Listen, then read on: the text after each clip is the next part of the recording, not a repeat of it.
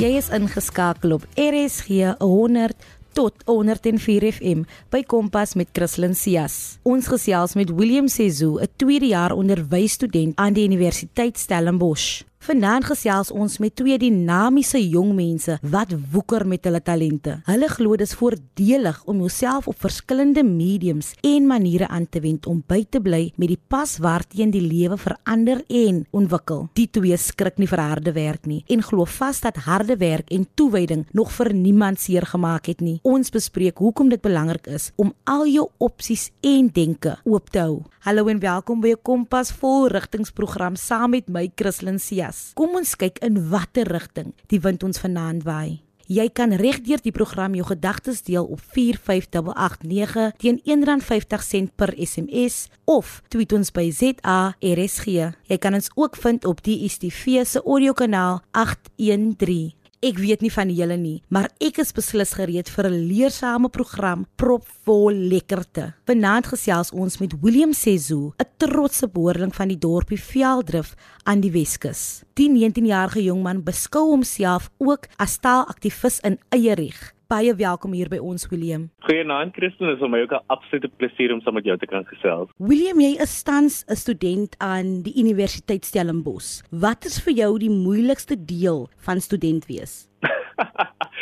dink ek dink die moeilikste van student wees as jy nie weet hoe om te budget nie. Ek ek dink dis nou van my grootste uitdagings.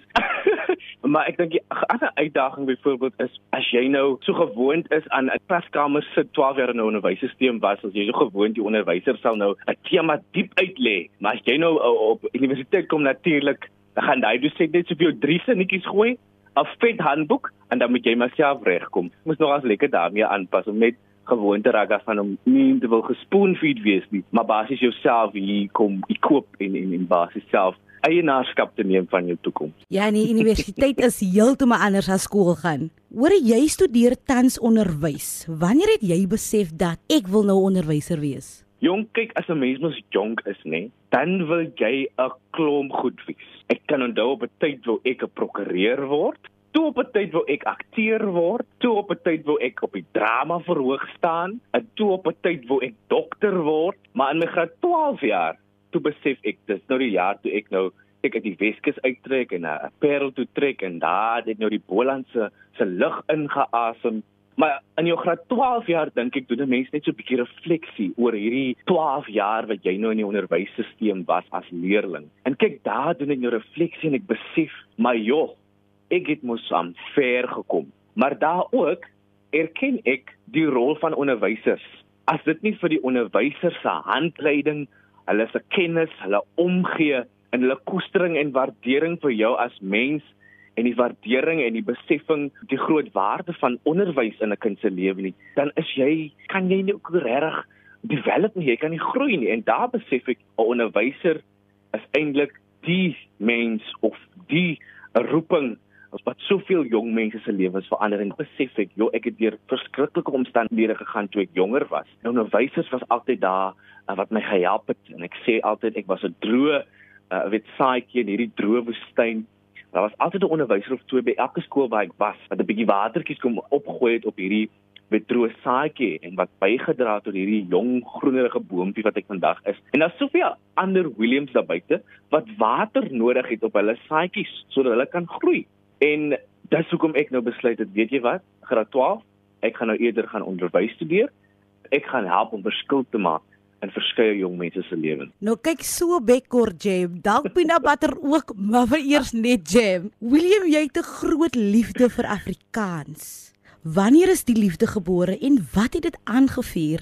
Sjoe, jy het my nou daai peanut butter het mos maar nou weer terug skool toe gevat met die choke tyd wat hulle altyd daar by sop kom by sy uitgedeel het op skole. Maar dit het juis op skool gebeur waar ek nou besef het ek het actually 'n liefde vir my moedertaal Afrikaans. En kyk in my graad 12 jaar as ek toe nou daar by die New Orleans sekondêre skool in Parel wat natuurlik gebuk gaan deur verskillende omstandighede. Daar is armoede, daar is bendes. As jy regtig uit daai skool uitkom en jy bekom 'n produk, dan moet jy werklik trots wees. Maar kyk, ek sit daar in daai skoolbanke en sulke liefdevolle onderwysers wat wil hê hierdie kinders wat uit hierdie omstandighede uitkom uit die fletse uit die parels of fletse uit. Hulle moet 'n sukses maak in hulle lewens. En ek onthou ons skool die dat die onderwysers het nou altyd nou hierdie uh taksies en busse volgemaak. Die kinders moet woordfees toe kom. Hulle moet sien daar's 'n wêreld buite net die parel. En jy weet woordfees en ek het preeke bygewoon en, en ek het gehoor waar studente byvoorbeeld nou kom gesels het oor oor hoe hulle voel oor die byvoorbeeld die taaldebat op die Universiteit Stellenbosch. En maar ook met die refleksie besef ek en met hierdie gesprekke besef ek daar's soveel kinders daar buite in Suid-Afrika wat nie die voorreg gehad het soos ek wat vir meer as 12 jaar in my moedertaal kon studeer nie. En dit is 'n absolute voorreg as jy daai daai kan kry. En ek besef toe die waarde van moedertaalonderrig en wat 'n voorreg dit vir my was om so goed te kon presteer te danke aan my moedertaalonderrig en ek besef dis hier die waarde van taal want kyk toe begin ek nou meningsstukke skryf en dit word op Netwerk 24 gepubliseer, dit word in die plaaslike koerant gepubliseer, bietjie betrokke gewees by die plaaslike radiostasie gewees en ek sien toe my taal kan eintlik veel deure oopmaak en ek het dit nooit besef toe ek jonger was en veral in daai klein plattelandse dorpie daar in die Weskus, het ek nooit besef die waarde van taal nie. Toe ek nou uit die platteland uitkom en besef, wow, Jy kan jou brood en botter verdien deur taal. Deure kan vir jou oopgaan deur taal dat ek besluit nee. Hier wil ek 'n pad stap met Afrikaans. Al wat ek daarop te sê is lekker jy, lekker jy. Kom ons gesels 'n bietjie oor William Sesou se e-klas. Dit is 'n verskriklike interessante blad op sosiale media. Vertel ons meer daaroor. Hoe is dit gebore? Jong, ek sit toe mos nou met met hierdie lockdown en goed en mense sit by die huis. Jy leer nou wel van die huis af. By die Universiteit Stellenbosch het vir 'n lang tyd nou besluit ons gaan nou e leer doen ons. En ek vra daar by die huis, jong, wat kan 'n mens doen om jouself aktief te hou? Wat kan jy doen om jy weet die mense ook so 'n bietjie te laat lag? So 'n bietjie humoristies wees. En uh, ons het toe 'n klomp idees opgedink en wat ook al, maar toe kom ons nou weet hier vir die vierde kwartaal het ek nou teruggekom kampus toe so 2 weke terug. En ek dink nou weer oor hierdie ding man, ek wil net jong, ek wil net mense so 'n bietjie laat lag, maar ek dink toe ook luister, eintlik is daar baie opvoeding nodig. En hoekom dan nou nie dit op 'n humoristiese manier doen nie? En kyk as jy veral nou op Facebook en goed sien dan, jy weet mense kry mos hierdie taalpolisie. Nou ek wil nie die taalpolisie wees nie. Ek kry hierdie keyboard warriors en die taalpolisie polisie wat sommer gaan kom en ek het net besluit ek wil daai tipe persoon wees. Nie kom ons doen dit op 'n beskaafde, humoristiese manier waar ons mense sê luister, daai woord wat jy daar gebruik, is nie dat jy dit verkeerd spel nie, maar jy gebruik dit net in verkeerde konteks.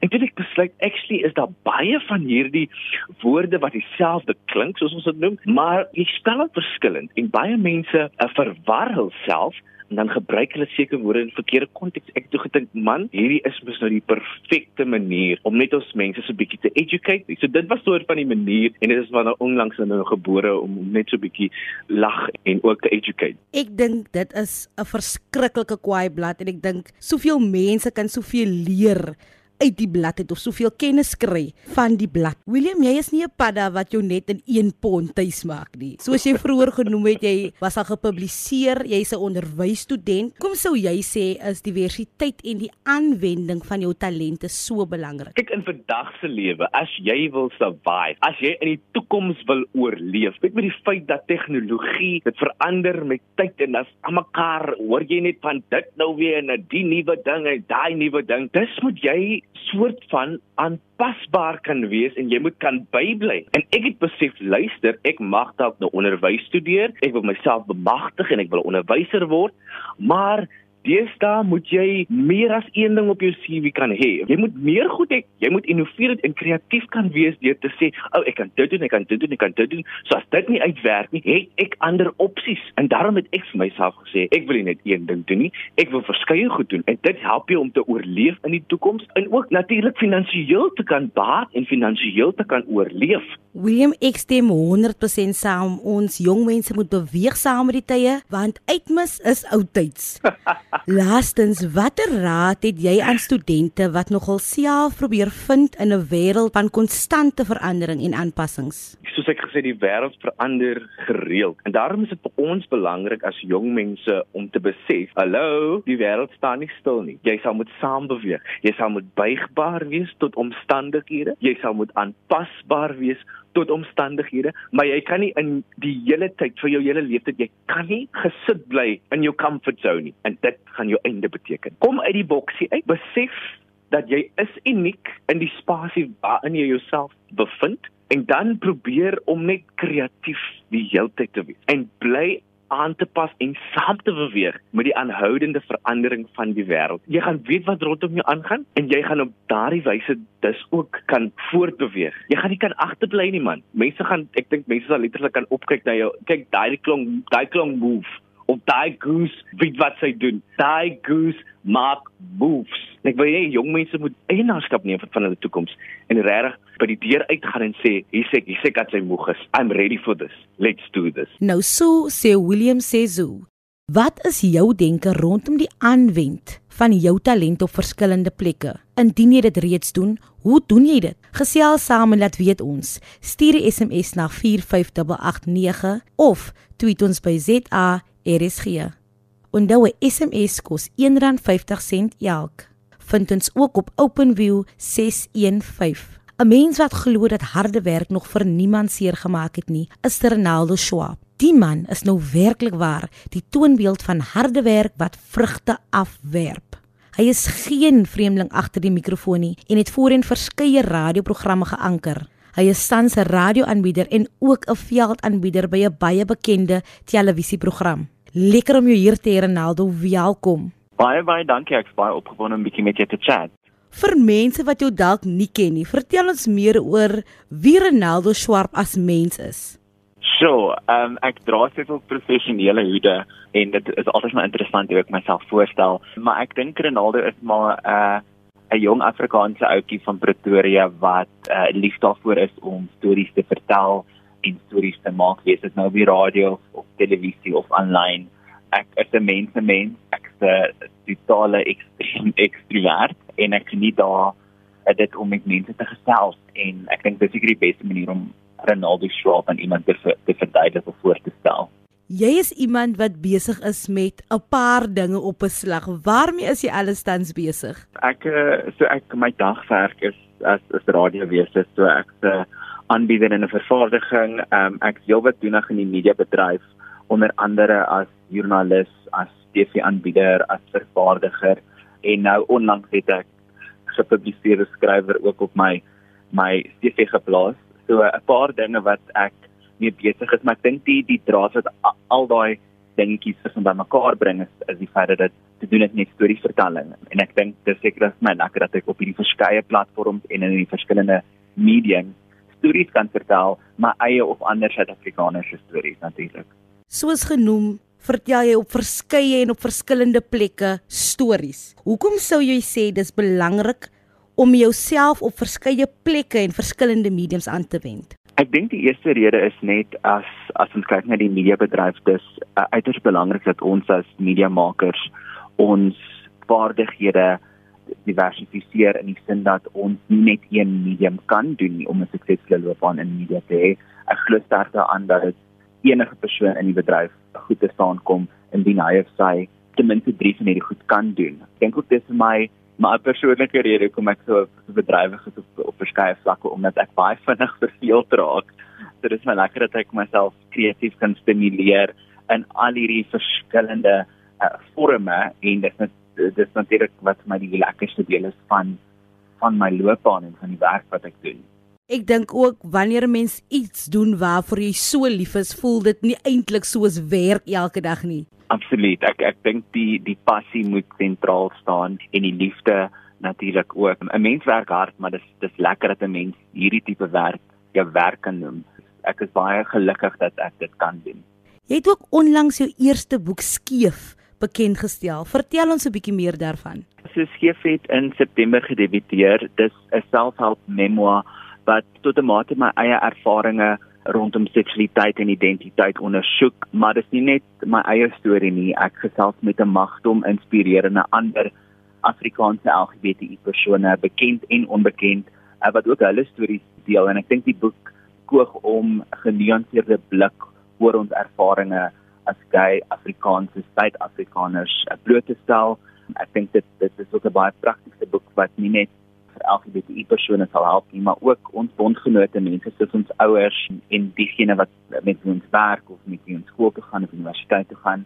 En ek dink dit is ook net belangrik vir my was om my ma te kry om een van die hoof, hoofstukke te skryf en sy deel natuurlik haar ervaring van die laaste 11 jaar hoe sy vrede gemaak het met die feit dat haar as sy nou gay is en ook hoe sy ander ouers ten minste kan help met 'n paar van die wat beantwoord indien dieselfde nou in hulle gesinne gebeur.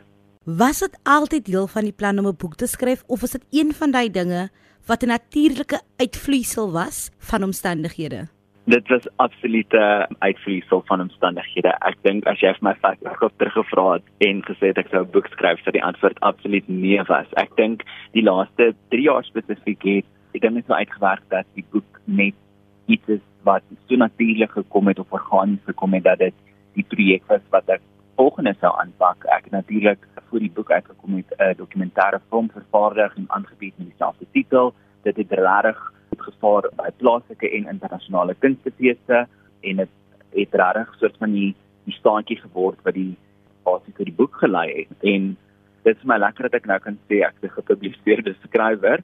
'n jaar en 'n half se werk is 'n big task, maar ek is baie bly dat die boek nou uiteindelik gepubliseer is en dat mense dit kan lees. Ek dink daar's definitief iets wat in my wakker geword het gedurende hierdie skryfproses. Wat het aanleiding gegee tot die skryf van Skeef?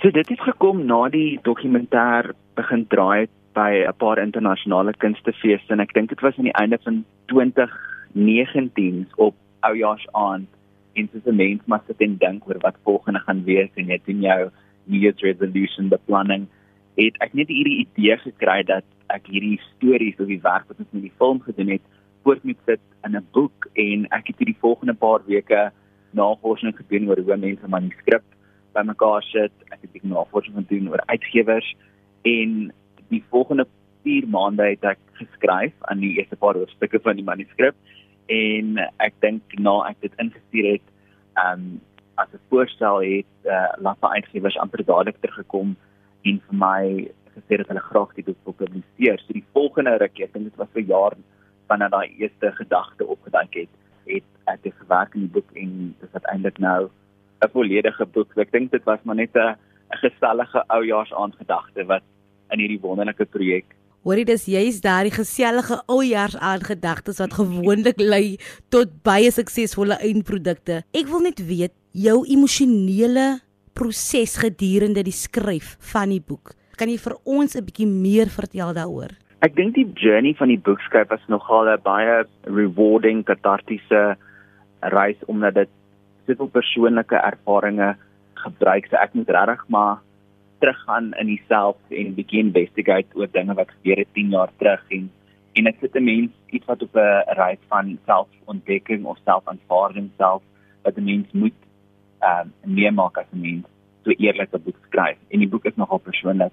Ek dink ook wat vir my wonderlik was in hierdie proses was die feit dat ek net soveel mense kon onderhoude voer en hulle stories betrek in die boek dat dit regtig vir my 'n groot leerskool was oor ander dinge wat ek noodwendig self in die gesig gestaar het oor die laaste paar jaar nie. 'n Reis van leer en een van self-aanvaarding en self-celebration. Sjoe, dit klink regtig waar ongelooflik. Watter raad het jy aan studente soos vroeër genoem drie verskillende hoede? So watter raad het jy aan studente wat hierdie bedryf wil betree? Ek dink een van die grootste lesse wat ek sommer van die staans vanaf geleer het, indien jy nou 'n suksesvolle loopbaan in die media wil hê, dat jy regtig proaktief moet wees in verskeie aspekte daarvan. 'n Mens moet proaktief wees om seker te maak jy het die nodige vaardighede wat die industrie kort en ons weet in media dinge verander so vinnig. Die opkoms van digitale media speel 'n baie groot rol. So jy moet uh, jouself oplei daarin en ek dink ook 'n mens moet nie bang wees om jou hand op te steek vir 'n geleentheid nie. Ek is uh, een van die grootste voorstanders van 'n e-mail aan iemand stuur indien jy 'n cool idee het of 'n voorstel het en ek dink dit kan enige persoon wat die wat die media bedryf betree regtig help. Nou kyk, dit is nou wyse woorde en padkos vir enige student wat geleenthede wil aangryp. Baie dankie Ronaldo. Groot plesier, baie dankie vir die saamgesels. Onthou, doen wat vir jou gelukkig maak, gesond en belangrik is. Indien die luisteraars enige van ons programme gemis het of selfs net weer daarna wil luister, kan jy dit altyd aflaai op www.rsg.co.za. Klik net op die potgooi skakel en soek onder K vir Kompas. Kompas word aan jou gebring deur SABC Opvoedkunde. Jy kan enige vrae of voorstelle stuur na die e-pos kristlyn.sias1@gmail.com. Onthou, indien jy enige iemand sonder 'n glimlag sien die naweek, gee hom sommer een van die joune.